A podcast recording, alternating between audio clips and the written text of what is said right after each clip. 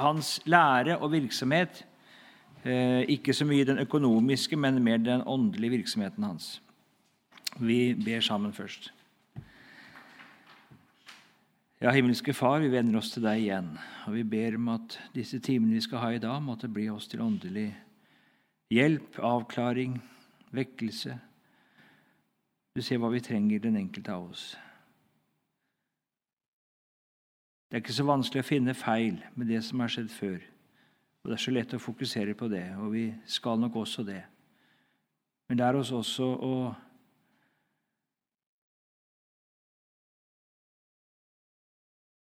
kjenne vår egen tid. Og når vi måler den mot tidligere tider, så la oss erkjenne det at vi står så langt tilbake. Så langt tilbake. Gi oss en sann ydmykhet og dra oss inn til deg. Vi ber om det. Amen. Ja, vi skal ta for oss en del nå ved Hauges virksomhet, og det er ikke vanskelig å finne feil ved den. Og la oss likevel ikke tenke det at uh, så var så var den tid og Hauge og alt dette her ikke sant? De, så langt tilbake for oss som vet alt så mye bedre. Kunnskapen vår er nok stor i vår tid, og, men så er det spørsmål med hjertets tro og etterfølgelse. Der har vi nok noe å legge vekt på. Ja, Vi skal se litt på dette med lekmannsforkynnelsen og de frie samlingene om Guds ord. Da skal vi fordele litt om sognepresten Seberg på Hauges hjemsted. Han så tidlig Hauges gode evner og lånte han mange bøker. Han kom fra Tønsberg, Seberg, og her var det, den, eh, var det Vestfoldpietismen som var Sebergs bakgrunn. Fra 1730 og framover så var det en rekke hernhuttiske prester i Vestfold. Eh, jeg syns det er interessant med Hedrum, da, som er mitt, liksom, der jeg kommer fra. Eh, der var Ole Tidemann sogneprest tidlig på 1700-tallet. Og Han starta både manns- og kvinneforeninger og, hadde konventikler ganske utbredt. Men det var ikke bare der, også ellers i Vestfold. Han fikk jo problemer med biskopen. Han var ikke noe glad i sånne ukirkelige ting. at man hadde konventikler. Og når han kom til Tune Seberg, da, som kom fra Tønsberg, så virket han i hernhuttisk ånd. Og hans eh, trosfeller ble kalt sebergianere. De la som hernutere flest vekt på det objektive forsoningsverket og rettferdiggjørelse ved tro alene. Og så hadde de frie konventikler, altså frie samlinger utenom gudstjenesten, hvor også lekmenn fikk lov til å forkynne. Så det var altså ikke bare Seberg som forkynte, men det var også lekmenn som både forkynte og ba. Og man forholdt seg ganske fri i forhold til de kirkelige ordninger eh, og presteskapet. Det preget nok Hauge. Han så dette, at det var altså frie samlinger om Guds ord utenom gudstjenesten. Jeg skal ikke si så mye om eh, brødrevennene nå. Nils Johannes Holm er kanskje den brødrevennen vi kjenner best, som var leder både i Oslo og i Trondheim på Hauges tid. Hauge har nok også fra Seberg mottatt inntrykk av brødrevennenes ja, tanker om lekfolkets rett og plikt til å vitne og sende ut forkynnere. Det var jo noe de gjorde i Hernhut. Og de tanker har nok tidlig da eh, fått rom hos Hauge. Og der han organiserer vennene Også uttrykket 'Hauges venner'. ikke sant? Vennene, Det er jo brødrevennene. ikke sant? Det er en del av språkbruken som minner oss om hernhuttene. Og forretningstiltakene Hauge bygger også på brødrevennenes tanker om eiendomsfellesskap. Han fikk ikke gjennomført det slik som han ønsket det, for det, det uh, stred mot myndighetenes lover og regler. Så han måtte gi opp det. Det var jo en av anklagene mot han, at han hadde en hellig kasse. Så uh, Det var vi litt inne på i går. Men det var altså ikke Hauge som innførte lekmannsforkynnelsen eller frie samlinger om Guds ord. Alt 60 år før Hauge så hadde altså hernutiske eh, prester og eh, andre drevet med det. En hernutisk forkynner ble forvist fra Vestfold og Norge for lignende virksomhet altså 60 år tidligere. Men først med Hauge så blir lekmannsbevegelsen en veldig og uimotståelig kraft. Nå blir det over hele landet og med en styrke og et omfang som hernutterne aldri fikk til i Norge. Han dro landet rundt, og overalt ble det vekkelse, og bevegelsen kunne ikke stanses hva prester og myndigheter enn gjorde. Og Flere andre fulgte i Hauges fotspor, og selv om Hauge ble fengslet og etter fengselsoppholdet ble ganske både resignert og formante vennene til å innordne seg under presteskapet, så var det skapt en bevissthet i lekfolket, et syn for den rett og plikt som påhvilte enhver kristen i kraft av det alminnelige prestedømmet og vitne for sin neste. Og Det har preget det norske kristenfolk, legfolk, siden Hauges tid. Mer, tror jeg, enn noe, ja, nesten i noe annet folk. Så har det vært et, eh, noe helt særegent. Det er ikke på samme måte i, i Sverige. Dels i Danmark, men allikevel ikke på samme måte som i Norge. Det selvstendige, frie lekmannsarbeidet det har vært veldig sterkt i Norge. Hauge innsatte eldste, eller tilsynsmenn, blant vennene rundt omkring i landet, og han spurte ikke prest og biskop om det. Det var det alminnelige pressedømmets rett og plikt å sørge for en ordnet forvaltning av Guds ord blant Guds barn, og det kunne man ikke overlate til statens religionsvesen. Slik tenkte Hauge, og slikt har lekbjørnsbevegelsen i Norge tenkt siden. Det er litt spennende nå hva som skjer når vi får eh, forsamlingsbygging rundt omkring. Jeg leste akkurat i dag at nå er det tre store misjonsorganisasjoner som tenker å gå sammen. Og, og det, Man tenker tanken på å kanskje lage sitt eget kirkesamfunn. Hvordan blir det? Eh, hvor du får på en måte en sånn eh, kryss av en organisasjonstenkning hvor man innsetter og kaller ikke sant, forkynnere sentralt og sender ut. Og hvem skal nå innsette, hvem skal kalle? Eh, hvordan skal det ordnes? Er det menighetene som skal kalle, eller er det organisasjonene?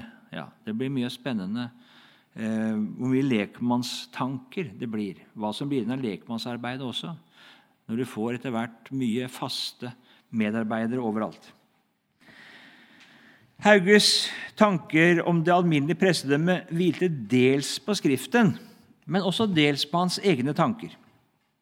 Han var ikke så belest og så grunnfestet på mange områder. Han ble av enkelte kalt jakobiner, altså en som var tilhenger av den franske revolusjon. Og Det var jo tanker som også var aktuelle. Det var jo på, I 1814 på Eidsvoll så var det jo flere representanter som var tilhengere av den franske revolusjonen. Hadde mottatt impulser og ideer der. Og at Hauge også, for han likte å lese, hadde mottatt impulser, det er ikke utenkelig. Han oppfordret kvinner til å vitne i kraft av det alminnelige prestedømmet. Og det kunne han nok gjøre med støtte i Skriften. Men når han like frimodig innsatte kvinnelige eldste rundt om i landet, så hadde han jo klare ord i Skriften imot seg. Det visste Hauge meget godt. Men han begrunnet det med at kvinnene nå var mer modne enn på Paulus sin tid. Og Det fører oss over på Hauges lære. Hvordan, hvordan var det med den?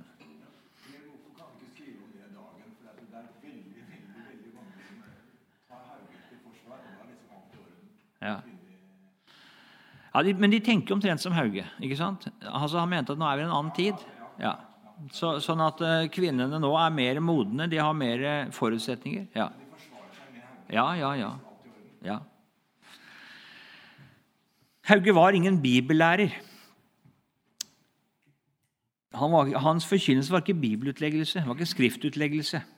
Nei, han øste vel så mye fra erfaringslivet som fra Skriften.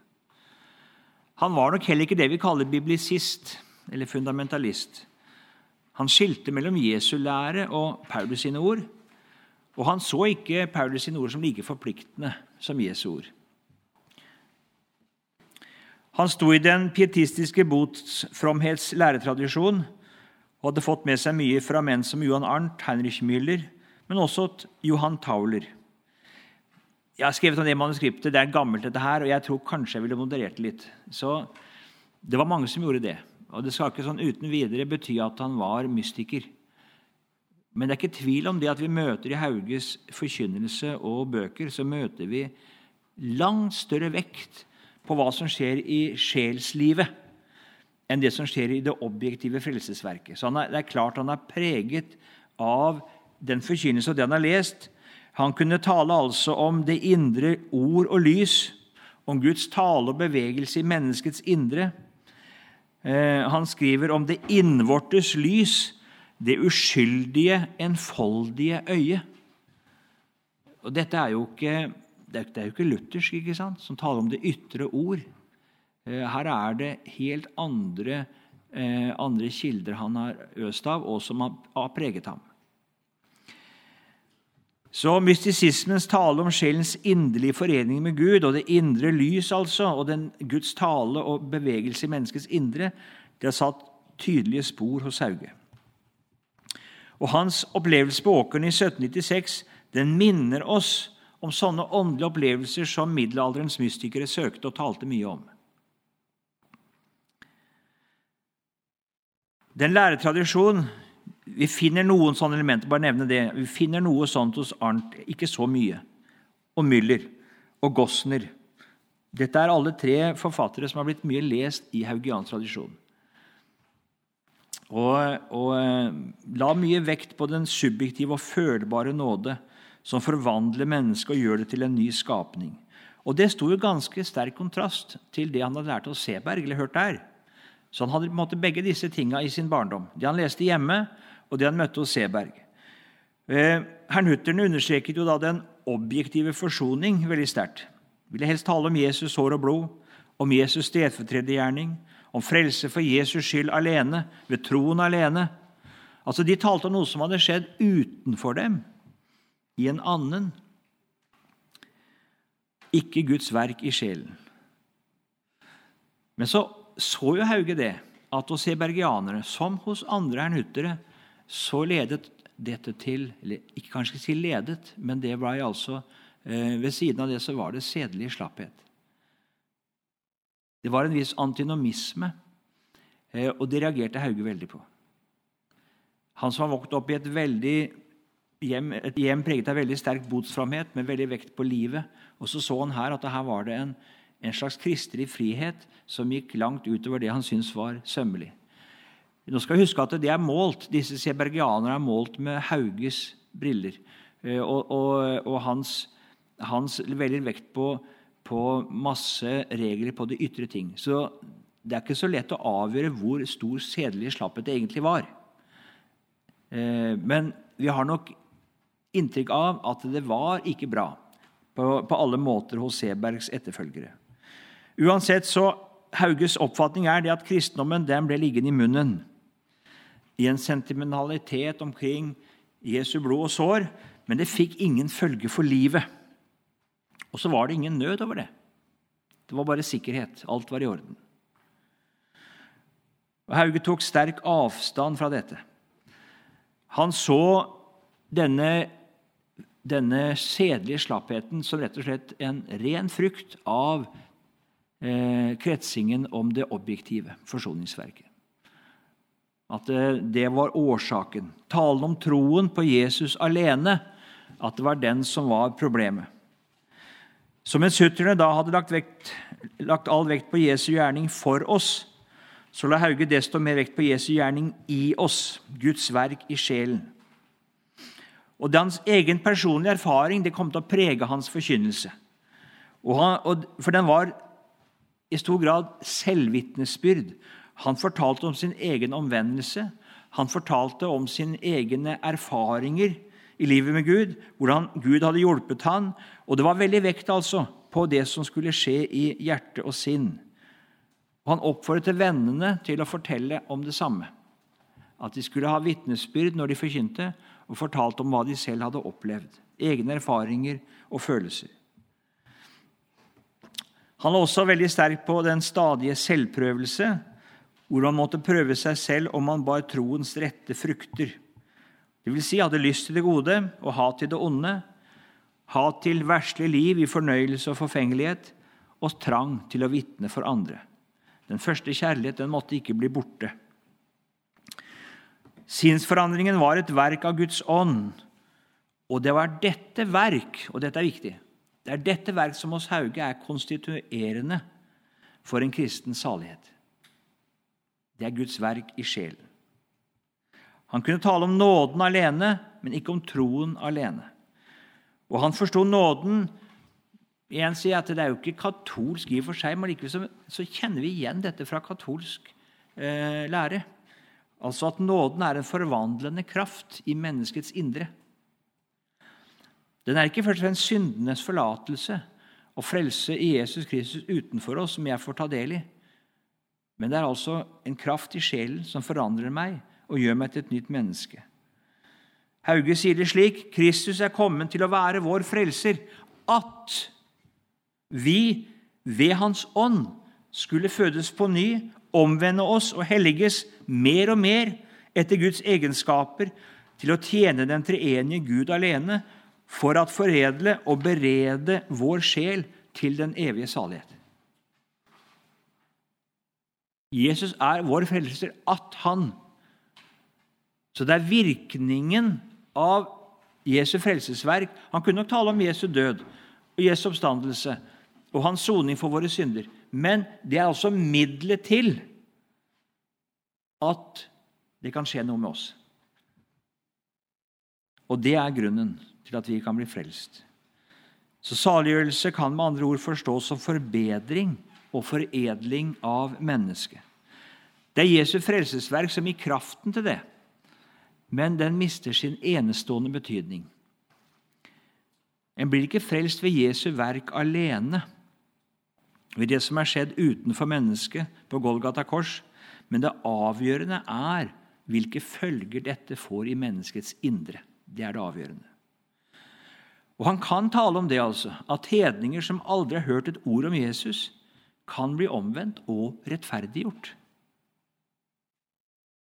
Det skriver han om i en av sine bøker. Det avgjørende er at de har hatt den, hatt den samme erfaring, at de har opplevd det samme Guds verk i sjelen. At sjelen har fått den samme oppriktighet, renhet og beskaffenhet som en troende gjennom gjenfødelsen. Her forlater Hauge den lutherske lære om troen alene og Jesus alene. Og Det ble han anklaget for i sin samtid. Da han besøkte de sterke jyder på Jylland, så var det nettopp det de reagerte på. At han talte ikke i samsvar med den lutherske lære om rettferdiggjørelsen.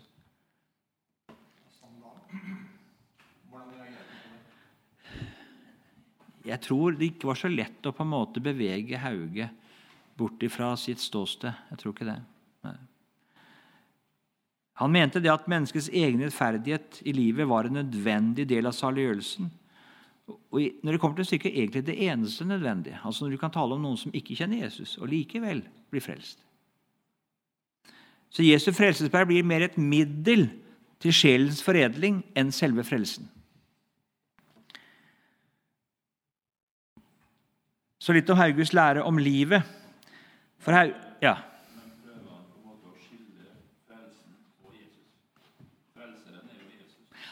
Husk på det, han var ikke, han var ikke en lærd person. Han var en enkel person. Og jeg tror på en måte at eh, For han var Jesus frelseren.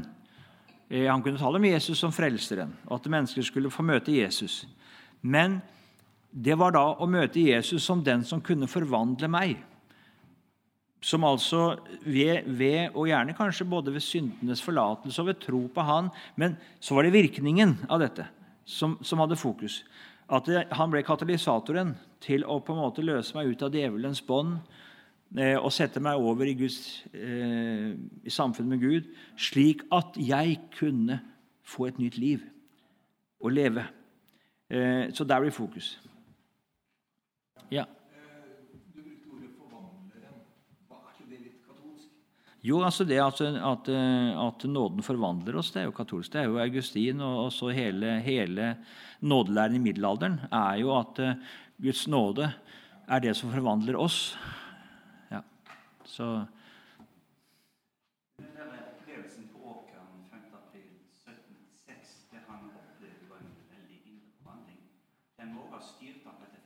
Ja. ja. Han ønsker jo samme som han. Nå skal jeg ta litt om eh, Norsk kirkehistorie etterpå. Jeg tenkte å ta en del vekkelsessetninger fram. Ja. Og det ser det samme der. Akkurat samme. Ja. Jeg har stor opplevelse med Gud. Jeg vil gjerne at andre skal ha det den. Jeg tror det også styrer mye av eh, av hele kristen. Ja. Det er ikke tvil om det at hans per e- egne personlige opplevelser de har preget veldig mye. Og jeg vil tro at det, det gjør det nok til en viss grad hos, eh, hos veldig mange. Og kanskje aller mest der, man, der hvor man har på en måte eh, lite også eh, kunnskap. Da vil, da vil den kunnskapen lille man har, den vil ofte da kanskje overstyres av det man har erfart og opplevd. Eh, og, og det får ikke en så selvstendig plass. og Derfor så blir Skriften eh, og den lutherske lære og sånt, det blir egentlig litt underordnet. Alt, det, det blir erfaringen som blir styrende. Eh, ja. For Hauge så var troen en kvalitet i mennesket, en beskaffenhet. Det er altså ikke hva du tror på, som er det vesentligste. Men troen selv, ikke minst troens virkninger, den styrke og kraft til å forvandle menneskets indre og foredle sjelen. Og Her legger Hauge stor vekt i sin forkynnelse. Den tro som nok setter sin lit til Jesus og gleder seg over frelsen i Han, men som ikke fører til virkelig og synlig forvandling i livet, er død.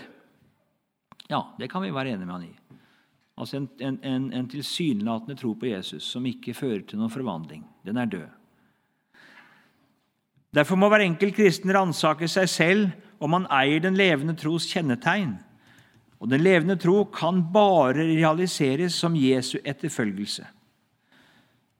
Troen er mye mer enn å sette sin lit til noe og regne med noe.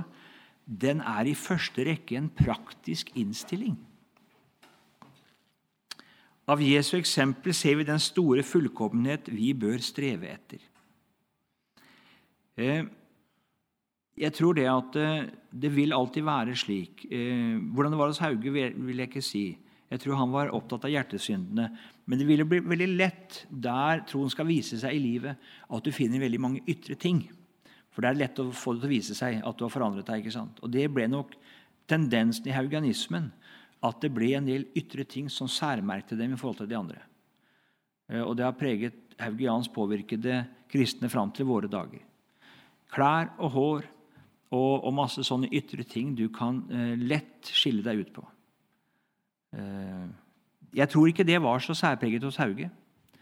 Vi snakket om Haugåsa og hvordan man skulle gå. ikke sant? og alvor, ja. Så det, det ble fort mange sånne ytre ting eh, som, som, preget. Men hos August så tror jeg det var mer, han la nok mer vekt på det indre enn det ytre.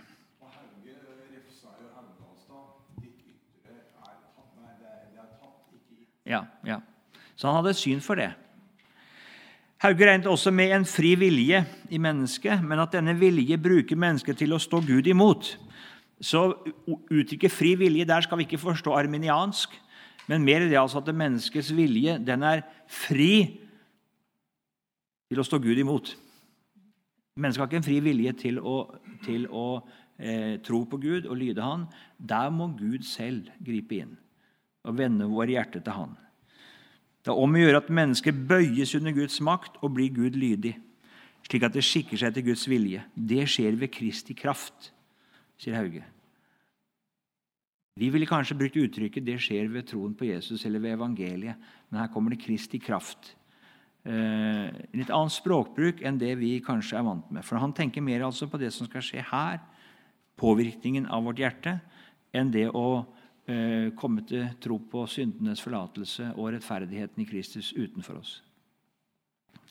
Hauge la stor vekt på åndelige øvelser, eller på det å drive sin salighetsarbeide, som han kalte det. Ennu er det dag, enn er det tid at det på sin salighet. Gid hver enkelt øvede seg i Herrens ord og merke det på Guds ånds minnelse i hjertet. Jeg har arbeidet på at aldri vrede, lettsinn, jordisk begjær og sanselig attrå skulle få makt over meg. Jeg synes at seire mer og mere, og føler Guds styrkende kraft. Ja. Jeg vet ikke om, eh, om eh, det er slik Paulus skriver ikke sant? 'Jeg har arbeidet mer enn dere alle'.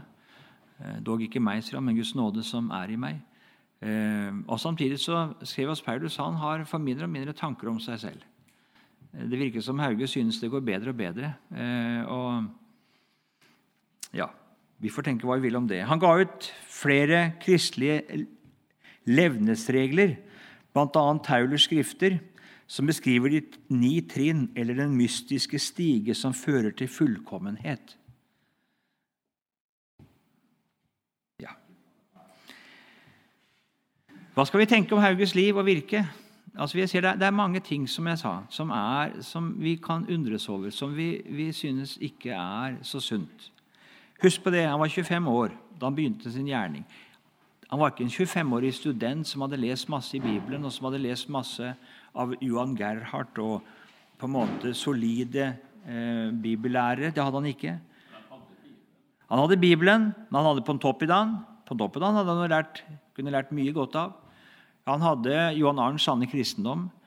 Han hadde lest, hørt den hver eneste dag. Eh, han hadde også fått låne bøker av presten Seberg. Hva han lånte han, det vet jeg ikke. Eh, det kan være både av en prest på den tida ville nok gjerne være orientert og kunne være nyere ting. Eh, altså Hvis det var ting fra den franske revolusjon, politiske ideer og, og sånne ting. Eh, men det kunne også være oppbyggelige skrifter. Det vet vi lite om. hva han fikk låne. Men vi skjønner i hvert fall det Hauge hadde ikke lys overalt. Vi kunne ønske han hadde hatt større lys over frelsen i Jesus, slik at han mer hadde kunnet føre mennesket fram til sann frigjørelse i troen på Jesus. Men i den unge mannens sinn så brant en trang etter å tjene Gud. Han hadde uendelig stor tro på hva Gud kunne utrette både gjennom han selv og andre. Han ville ikke tilskrive seg selv noen ære i den, i den henseende. Det var Guds verk og nåde fra først til sist. Men denne frimodige tillit til Guds kraft var det som drev ham, og som ga ham frimodighet når motstanden kom. Han hadde svoret Guds ånd lydighet, som han sa, han var overbevist om at Ånden også ville hjelpe ham å bli forsett til tro. Og det vitnet han om, at han hadde vært dette sitt forsett tro. Om hans lys over frelsen i Jesus var mangelfull, så er det ikke tvil om at han så behovet av omvendelse og gjenfødelse. Og mange ble vakt ved hans virksomhet. Mange hadde i gode andagsbøker og katekisme god hjelp til å finne fram på egen hånd. Og det må vi tro skjedde.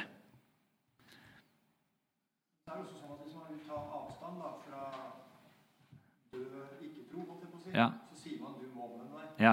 Så det er ikke nødvendigvis uheldig eller feil, sjøl om det er feil det han sier. Nei, altså, altså, selve analysen av tilstanden i folket og behovet for omvendelse og gjenfølelse, det var aldeles berettiget.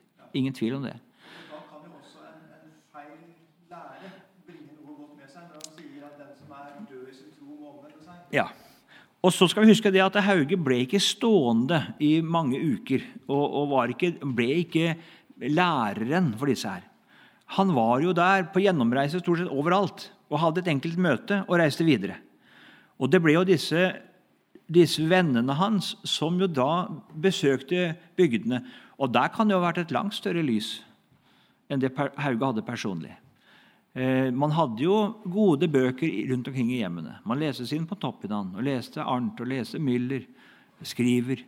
Eh, og det var nok mange som hadde et større åndelig lys. Vi ser på noen av disse predikantene som reiste omkring. haugianske predikantene. Mange av disse var jo virkelig eh, solide, gode predikanter med langt større bibelkunnskap enn det Hauge selv hadde. Så bevegelsen ble nok sunnere enn det vi finner antydninger i i Hauges egen forkynnelse og bøker. Ehm, det var også slik eh, Nå skal vi ikke komme inn på det her, men, men det skjedde jo også blant de haugianske forkynnerne egentlig litt uavhengig. Og før den rosenianske vekkelse så skjedde det en avklaring i evangelisk retning hos noen av dem. De kan lese om, om Vefring og Hove eh, og, og, hvordan de kom til evangelisk klarhet. To haugianske predikanter. Det kom altså andre etter han som, som, hadde klare lys, og som fikk hjelpe bevegelsen. Men det ble likevel tror jeg må si det, haugianismen i Norge den, den, ble, eh, den ble en av de bevegelsene som hadde vanskeligst med å akseptere rosenianismen når den kom. Der ble det spenninger. Hvis dere å lese noe om det, så kan dere lese Mathias Orheim. Han har skrevet romaner om dette. Og Det er ganske interessant. Han er jo ikke bare salmedikter, men han har også skrevet noen romaner. og Det er interessant. Det er på ganske sånn skikkelig vestlandsk eh, eh Ikke sånn nynorsk som Eivind har, men eh, litt mer kronglete nynorsk. Men det er verdt å lese. Det er sånn, det sånn samtidsbilde fra de rosnianske vekkelsene og hvordan det står på en måte haugianerne på en måte ikke kan forstå eh, og, og reagerer på dette. Vi møter noe av det samme hos Tråsdal. Kan også møte noe av den samme spenningen eh, i hans bøker mellom haugianisme og rosinianisme. Eh, og det, det, var Men, men eh, jeg tror vi må si det at i haugianismen så, så vi, kan, vi, kan, reagere på en del ytre trekk, og sånn, men at det var sann, levende kristendom der, det er ingen tvil om at det var. Jeg tror det var det hos Hauge midt i alle hans, alle hans mangler. Og det var det i, eh, i mye hauganismen. Men den hadde sine skjevheter, ingen tvil om det. Den hadde det. Åpenbare svakheter.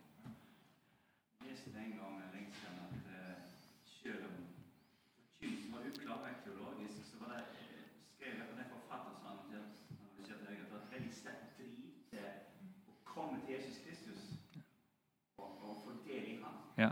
At, den, at folk møtte virkelig Jesus Kristus gjennom forkynnelsen. Ja. ja. Ausland. Han sier at, at det ble en grense i slutten av 1840.